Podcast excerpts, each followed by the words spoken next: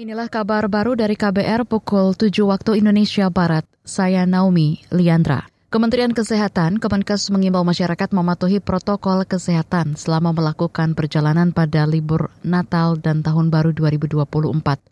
Menurut Direktur Jenderal Pencegahan dan Pengendalian Penyakit, Maxiren Rondonuwu, saat ini tren kasus COVID-19 mengalami peningkatan namun masih di tahap rendah dan terkendali kewaspadaan perlu ditingkatkan selama perjalanan. Mereka menghindari kerumunan banyak ya pakai masker sebaiknya. Kemudian kalau flu apalagi flu itu wajib sih pakai masker atau menunda perjalanan tidak menular ke orang lain. Kemudian kalau ada gejala begitu tiba di tempat luar sebaiknya apa diperiksa uh, di swab sehingga kalau memang yang positif ya mesti lakukan apa isolasi isoman kalau gejala ringan kalau gejala berat tentu ke rumah sakit sehingga tidak akan menular ke orang lain. Direktur Jenderal Pencegahan dan Pengendalian Penyakit Maxiren Rondonuwo menyebut saat ini belum ada pembatasan perjalanan menjelang libur Natal dan Tahun Baru 2024.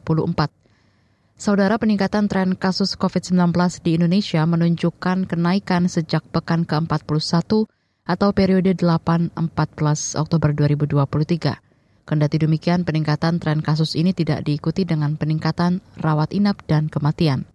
Kasus COVID-19 kali ini didominasi oleh subvarian EG5 yang merupakan turunan dari varian Omicron.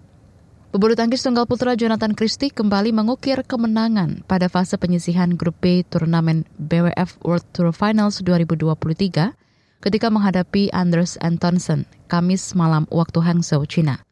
Pada laga berdurasi 52 menit tersebut, Jonathan menundukkan wakil Denmark itu dengan dua game langsung, 21-16, 21-18.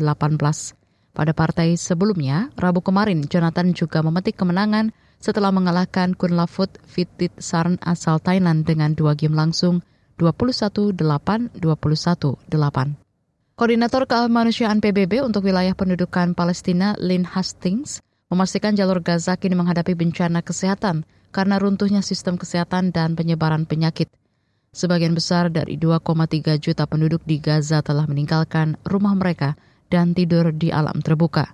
Reuters melaporkan di Rumah Sakit Nasser di Khan Yunis, bangsal trauma dipenuhi dengan korban luka. Beberapa bayi yang sakit juga dijejalkan ke tempat tidur bangsal anak-anak. Dr. Ahmed Alfara, Kepala Bagian Pediatri mengatakan sudah ada 30 kasus hepatitis A yang membutuhkan waktu hingga satu bulan untuk masa inkubasi. Dia memprediksi dalam sebulan akan terjadi ledakan jumlah kasus hepatitis A, dan ini merupakan indikator sangat berbahaya yang patut diwaspadai mulai dari kepadatan penduduk, konsumsi makanan tidak layak konsumsi, hingga penggunaan toilet bersama. Dia juga menyebut soal sejumlah pasien yang datang dengan kasus dehidrasi ekstrim, beberapa di antaranya berpotensi gagal ginjal. Saudara demikian kabar baru dari KBR, saya Naomi Liandra.